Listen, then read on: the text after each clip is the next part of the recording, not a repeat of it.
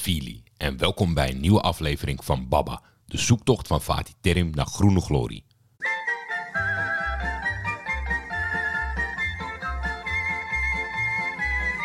Eerst heb ik te horen gekregen toen ik hier kwam. Hier gaat het alleen maar om winnen in dit land. Dat was de kritiek omdat ik te veel aandacht aan goed voetbal besteedde vorig jaar.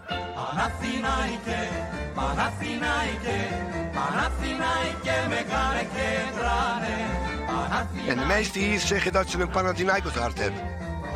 Ik merk er weinig van.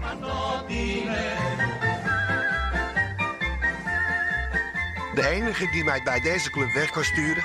is een man die ik heel erg respecteer en dat is meneer Pateras. En niet jullie.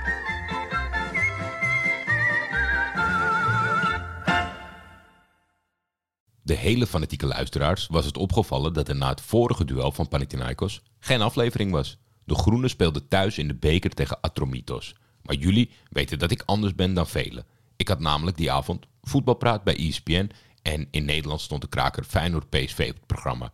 Ik kon dus de wedstrijd met geen mogelijkheid zien. En ik bezit geen Wisecout om dat eens even lekker terug te gaan zitten kijken voor jullie. Niet kijken is niet praten. Wel zag ik dat bij de aftrap Terim alle nieuwe aanwinsten op het veld had gezet. Braziliaanse centrale verdediger Vitor Hugo, die wordt gehuurd van Bahia, was echt nog maar een paar uur in Griekenland. Dat leek mij niet zo verstandig. En daar had ik wel een punt, want Terim en zijn troepen gingen een nederlaag tegemoet. Thuis nog wel. Atromitos mag nu aankomende woensdag een 2-1 voorsprong verdedigen in de return. Al die wedstrijden zonder publiek gaan mij trouwens niet in de koude kleren zitten.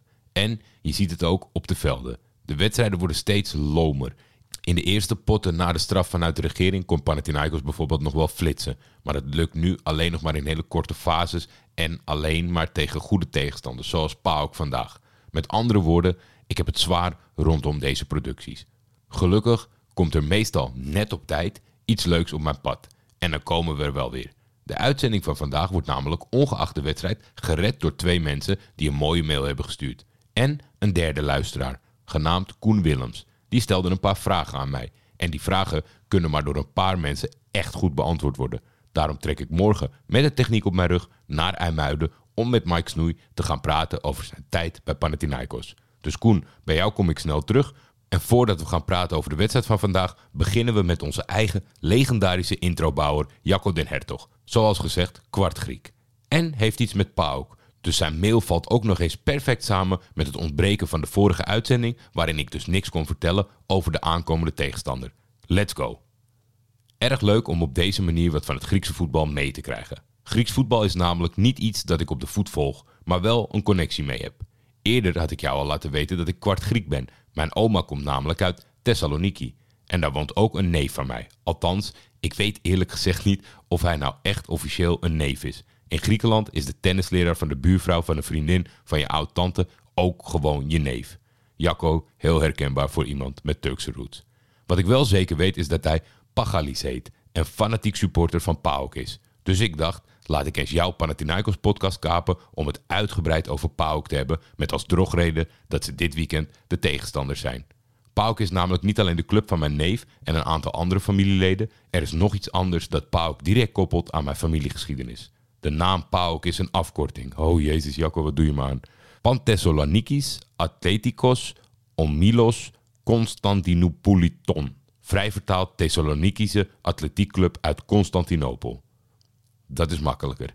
Dat vraagt misschien wat uitleg. En daarvoor hebben we helaas, nou ik zou niet zeggen helaas, een korte geschiedenisles nodig. In 1923 werd na lange periodes van oorlog besloten om een zogeheten bevolkingsruil te doen tussen Turkije en Griekenland. Dus alle Turkse mensen die in Griekenland woonden moesten naar Turkije en Grieken die in Turkije woonden moesten naar Griekenland. Het klinkt een beetje als een droom van menig politicus vandaag de dag. Dat is mijn eigen toevoeging trouwens. Dat ging met vrij harde hand en was niet bepaald een gezellig moment in de geschiedenis van de twee landen. Het betekende ook dat mijn overgrootoma Smyrna moest verlaten, wat nu Izmir heet, en mijn overgrootopa Constantinopel moest verlaten, wat nu Istanbul heet. Ze werden vluchtelingen en waren natuurlijk niet de enige. In totaal zijn er 2 miljoen mensen gevlucht en, er, en zijn er honderden duizenden vermist. En dus waarschijnlijk vermoord. Niet echt een leuk verhaal, hè? Mijn overgrootouders kwamen in Thessaloniki terecht. Een prachtige stad aan de Middellandse Zee. Met heerlijk eten, een bijzondere historie en de voetbalclub PAOK. De club voor en van de vluchtelingen uit Constantinopel. Iets wat neef Pagalis, nu dus 100 jaar na de bevolkingsuitwisseling, nog steeds als een heel belangrijk onderdeel ervaart van de identiteit van de club, omdat ook zijn overgrootouders uit Constantinopel komen. Zouden we dat toch echt familie zijn? Zijn opa heeft nog meegewerkt aan de bouw van het huidige stadion, de Tumba. Het stadion dat door een medeluisteraar werd beschreven als de Kuip, maar dan nog slechter onderhouden. Ik kan dat beamen. Letterlijk alles in en rond het stadion kan een upgrade gebruiken, maar tegelijkertijd heeft het een enorme charme. En dit weekend is de Tumba dus het toneel van PAOK Panathinaikos. Als er een club uit Athene op bezoek komt in Thessaloniki, hoeven die niet op een warm welkom te rekenen. Op het vuurwerk na dan. Athene, Thessaloniki is een soort Amsterdam, Rotterdam, maar dan in mediterraanse kwadraat. Ik vraag Pagalis waar die rivaliteit vandaan komt. Hij begint al snel over de corruptie in Griekenland. Athene is een belangrijke economische kracht in Griekenland en moet dus beschermd worden. Financiële staatssteun zal eerder zijn weg naar Athene vinden dan bijvoorbeeld Thessaloniki. Voor Olympiakos, AEK en binnenkort ook Panathinaikos worden nieuwe stadions betaald met leningen van de staat die op een gunstige manier of zelfs helemaal niet terugbetaald hoeven worden. Thessaloniki voelt zich dus achtergesteld op de hoofdstad. Wat hiervan klopt, vind ik lastig te zeggen. Griekenland is een prachtig, maar helaas ook erg corrupt land. De Griekse financiële crisis in 2007 is dan ook niet zomaar gebeurd. Een snelle Google-zoektocht levert meerdere artikelen op over corruptie in het Griekse voetbal. Waarbij ik moet toegeven dat de club Olympiakos, de recordkampioen uit Athene, vaak opduikt. President Evangelos Marinakis heeft echt een waslijst aan beschuldigingen op zijn naam staan. Van omkoping tot drugshandel, maar is altijd vrijgesproken. Pagalis vertelt ook over de rol van de scheidsrechters in Griekenland. De Atheense club zou de scheidsrechters op grote schaal omkopen. Marinakas komt weer voorbij. In 2014 werd hij gespot in de kleedkamer van de scheidsrechters. Het is rust. Het staat op dat moment 1-1 tussen Olympiakos en Asteras Tripolis. Als Marinakis gevraagd wordt wat hij daar kwam doen, zegt hij: Ik kwam ze succes wensen. Olympiakos won uiteindelijk met 3-1. Marinakis wordt beschuldigd van omkoping, maar uiteindelijk vrijgesproken. En Pagalis vertelt nog iets opvallends. Hij is blij met de VAR. De VAR zou een goede invloed hebben gehad op de voortrekkerij van de Atheense clubs. Al gaat niet alles vlekkeloos, zegt hij en verwijst naar de bekerfinale van 2021 tussen Panathinaikos en PAOK. Panathinaikos won met 1-0, maar er was veel ophef over de gegeven strafschop waar de goal uit voortkwam. Ik geloof zelf nooit zo in het narratief dat clubs kampioenschappen binnenhalen via omkoping. Ik denk dat clubliefde verblindend kan werken op het feit dat de mens een natuurlijke gave heeft om ergens een potje van te maken. Daarbij is het natuurlijk in en in triest hoe de argwaan richting de scheidsrechters vorm heeft gekregen. Bedreigingen, huizen en auto's van scheidsrechters die in de brand zijn gestoken. En laten we niet vergeten dat de president van PAOK na een scheidsrechterlijke beslissing het veld opliep met een pistool aan zijn broekriem. Maar misschien ligt het wel aan het feit dat ik in Nederland opgegroeid ben, waar corruptie echt wel bestaat, maar op een aanzienlijk ander niveau dat ik misschien een beetje naïef hier naar kijk. Misschien klopt het wel degelijk dat Thessaloniki de dupe is van een corrupte staat. Zo noemt Pagalis Griekenland een van de mooiste landen ter wereld, maar qua regering vergelijkbaar met een land als Colombia. Wat wel duidelijk wordt is hoe diep de rivaliteit zit tussen de twee steden en dan vooral aan de kant van Thessaloniki. Het, voetbal is hier een uitlaatklep voor, zoals Barcelona zich even vrijgevocht voelde van het regime van Franco door een overwinning van de FC op Real Madrid. Zo lijkt het voor PAOK te voelen als er wordt gewonnen van een van de Atheense clubs. Wij in Nederland mogen best onze twijfels hebben over de aantijgingen richting Athene, maar onder een groot deel van de PAOK-aanhang is het duidelijk. Hen is stelselmatig onrecht aangedaan. Dat is wat er voor hen op het spel staat tijdens de wedstrijden tussen PAOK en de Atheense clubs. Ja, jongens, dit zijn ze. Dit zijn de berichten waarmee ik op de been blijf. Dit is wat ik wil horen. Dit is wat ik wil lezen. Dit is hopelijk wat jullie willen weten. Het is voor mij een bijzonder herkenbaar verhaal. Ik ben natuurlijk opgegroeid in Nederland. Dus ik kijk er ook altijd wel met sceptisch naartoe. Alleen de realiteit is natuurlijk dat ik ook al, nou ja, 20, 25 jaar lang intensieve Turkse voetbal volg. En dat zijn gewoon twee totaal verschillende werelden. En ik denk dat we het nogmaals, ik heb het vaak gezegd, we moeten koesteren hoe we hier naar kijken, hoe nuchter we zijn. Een voorbeeld zoals natuurlijk de wedstrijd die ik in de intro aanhaalde tussen Feyenoord en PSV, waarbij er een VAR-moment dat die VAR niet ingrijpt. Ja, dat is, dat is niet uitlegbaar. We krijgen daar ook achteraf geen uitleg over. De dag daarna is een wedstrijd tussen Hercules en Cambuur. Dan zien we met z'n allen thuis al tien minuten lang dat het wel een penalty moet zijn voor Cambuur. En dan wordt er wel vijf minuten op zo'n scherm gekeken. Dat zijn van die voorbeelden die hier nog goed gaan. Wat ik denk globaal gezien dat het beter is. Al zouden we natuurlijk wel moeten onderzoeken waarom hij niet is gebruikt bij uh, de wedstrijd tussen Feyenoord en PSV. Niet als uitzoeken van we, we, gaan navraag doen of we staan op de stoep bij de scheidsrechter of dat soort zaken. Maar het zou prettig zijn als de KNVB daar op dat soort momenten ook gewoon zegt tegen het korps van jongens, even tekst en uitleg geven over wat er is gebeurd. Dan kunnen we allemaal rustig blijven. Turkije zit twee stappen achter dit Griekse scenario met betrekking tot uh, auto's in de fik steken, mensen eh, bedreigen, et cetera. Het, het, het, zit echt op het randje naar de verkeerde kant uit te pakken. En dat heeft er ook mee te maken dat als je eenmaal denkt als supporter dat je wordt benadeeld of dat er corruptie plaatsvindt of omkoping, dan zie je het in alles. Scheidsrechters wereldwijd zijn niet op een fantastisch niveau. Dus wat krijg je dan bij elke verkeerde beslissing of elke beslissing die eh, of tenminste elke overtreding die gelijk is, maar in twee verschillende wedstrijden anders wordt uitgelegd, ja, dan gaat het steeds een stapje meer de verkeerde kant op. En kijk nu, ze moeten scheidsrechters vanuit het buitenland invliegen. Er zijn geen supporters op de tribunes. De sport gaat eraan kapot. Dus eh, ja, koester wat we in Nederland hebben, zo lang als kan. En dan gaan we toch eindelijk echt even over de actualiteit en het voetbal hebben. Want het was natuurlijk vanavond Panathinaikos tegen PAOK Saloniki op bezoek in de Tumba in Thessaloniki. Onder leiding van de Noorse scheidsrechter Rohit Sagi. Uitgangsposities nummer 1 tegen nummer 2. Uh, eh, uiteindelijk hebben ze een playoff systeem, maar wel nu in deze fase van de competitie al denk ik een hele belangrijke wedstrijd. Voor de wedstrijd ging het vooral over het treffen van Fatih Terim met coach van PAOK, Razvan Lucescu die de zoon is van de man die jullie allemaal kennen in Mircea Lucescu. Eh, hij had wat uitspraken over dat hij nooit van Terim zou verliezen in de Griekse competitie, weet ik niet. Hij probeerde het vuurtje op te stoken, ik denk gevoed door zijn vader. Lucescu verving ooit na alle succesvolle jaren Terim bij Galatasaray, won daarna de Europese Supercup met ze. En misschien dat daar wat uh, strijd is ontstaan. Maar in ieder geval, uh, het was te merken tijdens de wedstrijd dat er wat speelde tussen de beide staffen van deze ploegen. Uh, voor de rest, ja, als je dan kijkt naar de opstelling, dan is daar toch een heleboel onbekend. scherpe Ajax-luisteraars, die kennen de keeper van PAOK Thessaloniki. Dat is namelijk Kotarski, die volgens mij in Amsterdam zevende keuze was, maar nu bij een titeluitdager in Griekenland al heel lang vaste prik is. Dus die heeft een sprongetje gemaakt in zijn kwaliteiten. Of uh, zijn kwaliteiten zijn anders beoordeeld in, uh, in Nederland. Uh, Raman Baba, de linksback. Daar was ik heel erg benieuwd naar of hij daadwerkelijk ook linksback stond. Want de laatste weken scoorde hij best wel veel doelpunten. Een Braziliaan in Tyson. achterin Ketsiora, dat was voor mij nog wel een bekende naam. En daar moest het wel een beetje bij laten. Supertalent ooit in voetbalmanager, die kent iedereen. Andrija Zivkovic Grote speler voor PAOK zat op de bank, maar vermoedelijk zou die nog wel invallen. Aan de kant van Terim is het toch weer een beetje puzzelen. Veel nieuwe mensen. De nieuwe keeper Dragovski blijft in de basis staan. Vitor Hugo stond meteen in de basis centraal achterin. Ging dat samen met Tin Jetvay doen. Vajanidis, mijn vriend, stond rechtsback. Mladenovic linksback. Arau was doorgeschoven naar het middenveld. Zijn originele positie. Kotsira stond ook weer op het middenveld. Gepromoveerd tot aanvoerder. En daarvoor nog één aanwinst in Bakasetas, die tijdens zijn uh, debuut in de beker al scoorde. Hij is overgekomen voor 1 miljoen euro van Trabzonspor.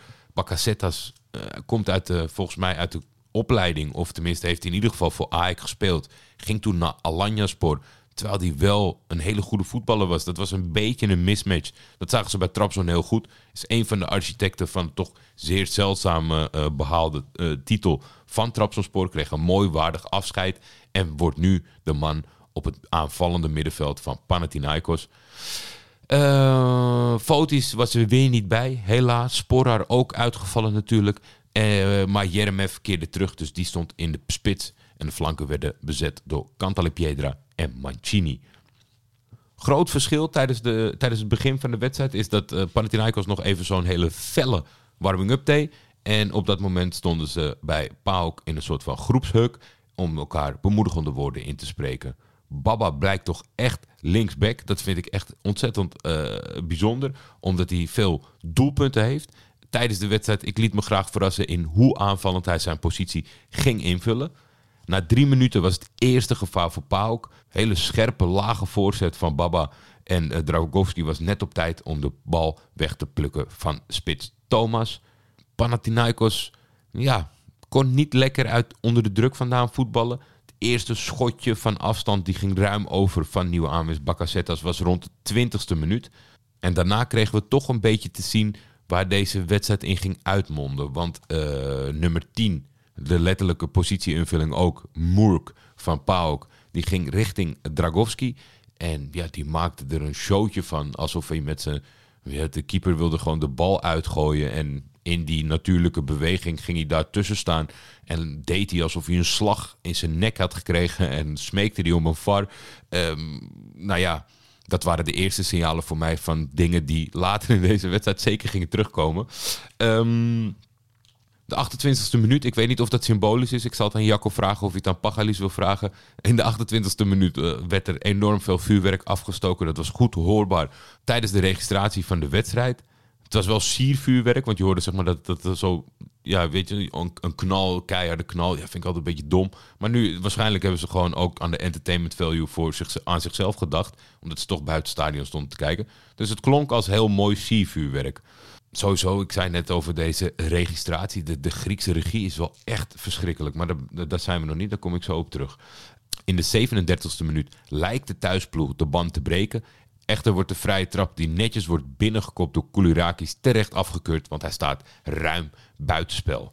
Het zijn wel de minuten waarin Pauk meer op de deur begint te kloppen. En dan krijgen we te maken met Despodov, die het nog veel bonter maakt dan Moerk. Met echt een walgelijke schwalbepoging. Hoe kan het nou in dit tijdperk? Dat zit dan zo in, in, zo in de core van sommige spelers dat ze dat blijven doen. We kijken ernaar. Weet je, ik snap best, spelers proberen nu voornamelijk door, door de VAR alles eruit te halen, hensballen, klein tikje op de voet. Maar gewoon echt, terwijl er niks aan de hand is, een koprol maken. Hoe krijg je het voor elkaar? Want je weet toch dat die beelden worden bekeken?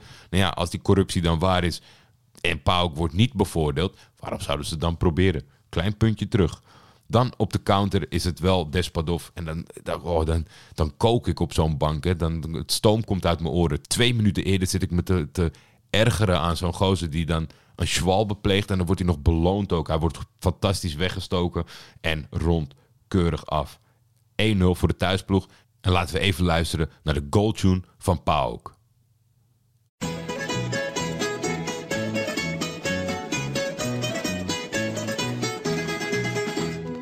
Σαν του πάω την ομάδα δεν υπάρχει στην Ελλάδα Ομαδάρα δοξασμένη και με δάφνες στολισμένη που τα έντεκα παιδιά μας τα έχουμε όλοι στην καρδιά μας. Πάοκ, πάοκ, τρέμουν το όνομά σου και στο πέρασμα σου τρέμει όλη γη Πάοκ, πάοκ, άλλη τέτοια ομάδα Σ' όλη την Ελλάδα δεν θα ξαναβγεί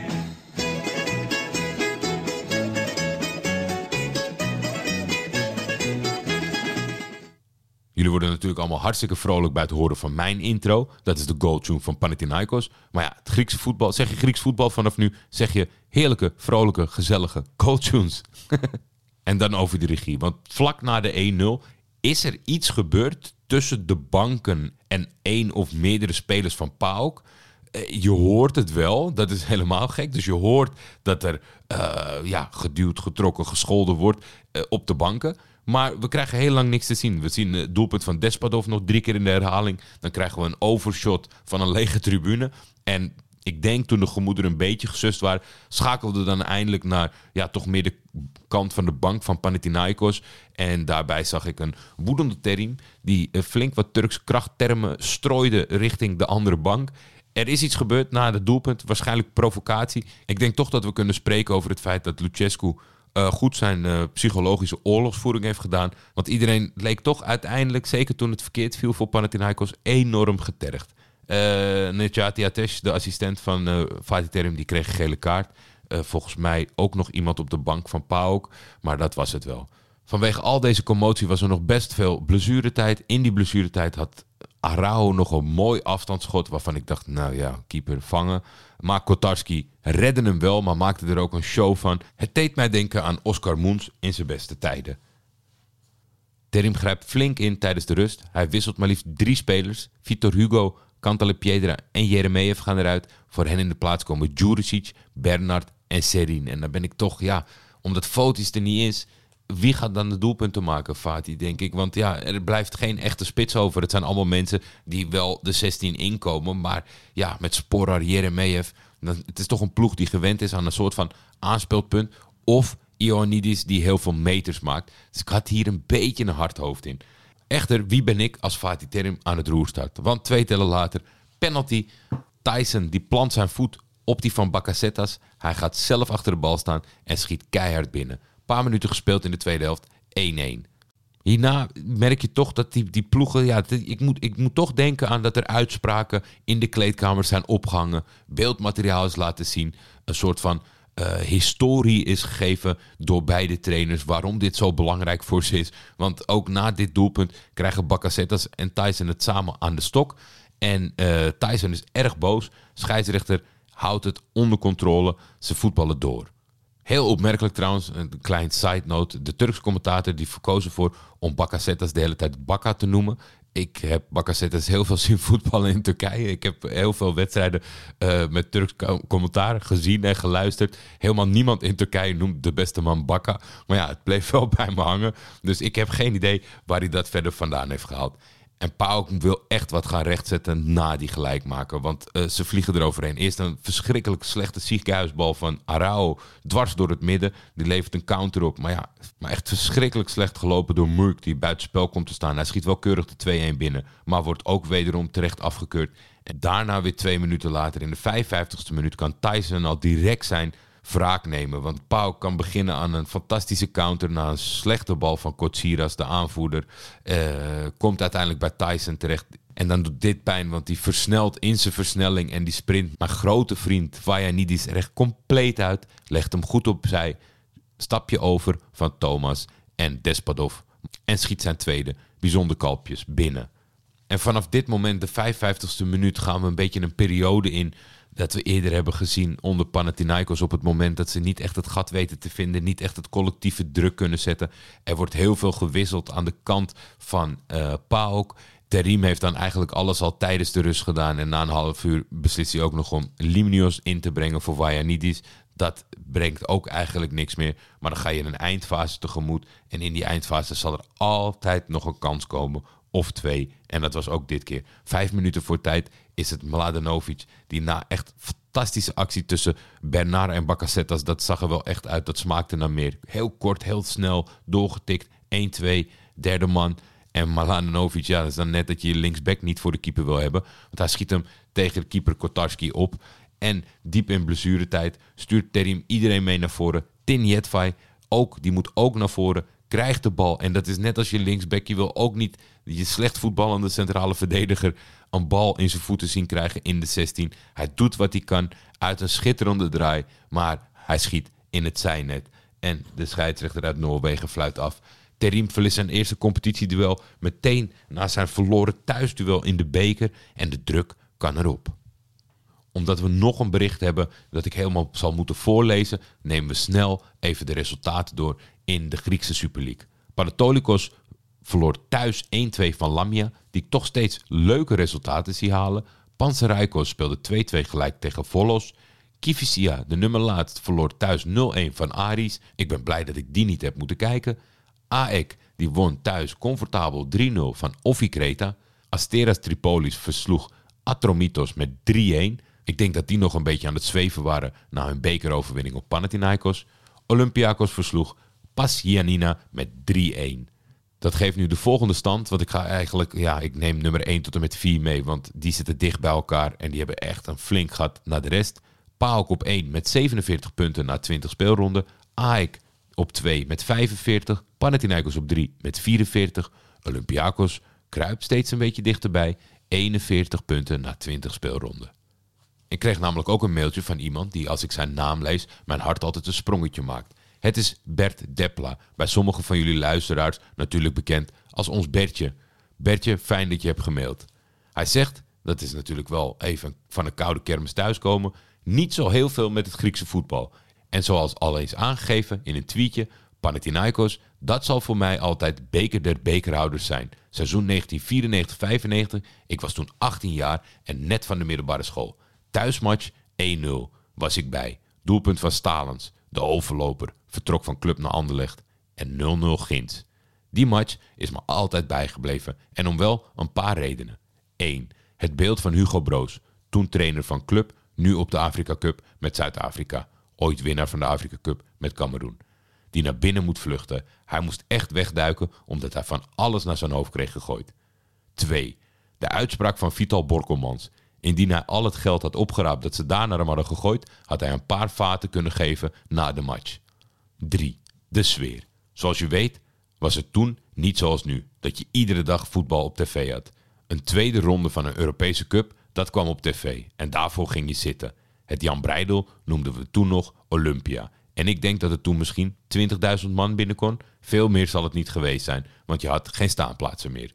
Nu ja, maakt niet zoveel uit. Maar opeens zie je daar bijna 70.000 Grieken totaal gek worden. Dat had ik nog nooit gezien. Dat helpt natuurlijk ook aan de heroïek voor dit duel. Bekijk het filmpje hieronder eens. Ik zal het filmpje van de uitwedstrijd van Club Brugge. Ik heb echt gesmikkeld. Het is natuurlijk ja, blokjes kwaliteit.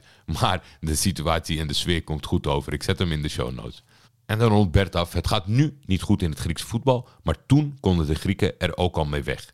En om te eindigen met een weetje datje. Je had het over de Belgische enclave bij de volgende tegenstander, Atromitos. De laatste keer dat Club Brugge tegen Panathinaikos speelde in 2015, derde voorronde van de Champions League. 3-0 overwinning en Panathinaikos uitgeschakeld. En wie stond er toen op het veld? Inderdaad, Laurens de Bok en Tuur Dirks. De twee mannen die nu onder contract staan bij Atromitos. Dankjewel Bert, goed om je weer in de show gehad te hebben. Nou ja, we weten dus wie de volgende tegenstander is. Dat is de return in de beker uit op bezoek bij Atromitos. Geleid door Sasha Ilic, die nu weer heeft gewonnen van Panathinaikos. Misschien wordt het wel zijn lievelingstegenstander. We, we weten waarom Laurens en Tuur geliefd zijn in Griekenland en daar nu weer spelen omdat ze natuurlijk gigantische impact hebben gemaakt tijdens de uitschakeling van Panathinaikos. Ik ga de wedstrijd kijken. Ik hoop dat Fatih Terim redt. Want voor je het weet staat hij op de Griekse straten. Baba is een Schietvogeltje Media Original. De intro's van de legendarische Jacco den Hertog. Die zeker vandaag in het zonnetje gezet moet worden. En voor al je opmerkingen, vragen, verhalen. Mail me alsjeblieft naar schietvogeltjemedia.gmail.com. Dan kan ik dat stiekem lezen tijdens saaie gedeeltes in wedstrijden in lege stadions in het Griekse voetbal. Dank je.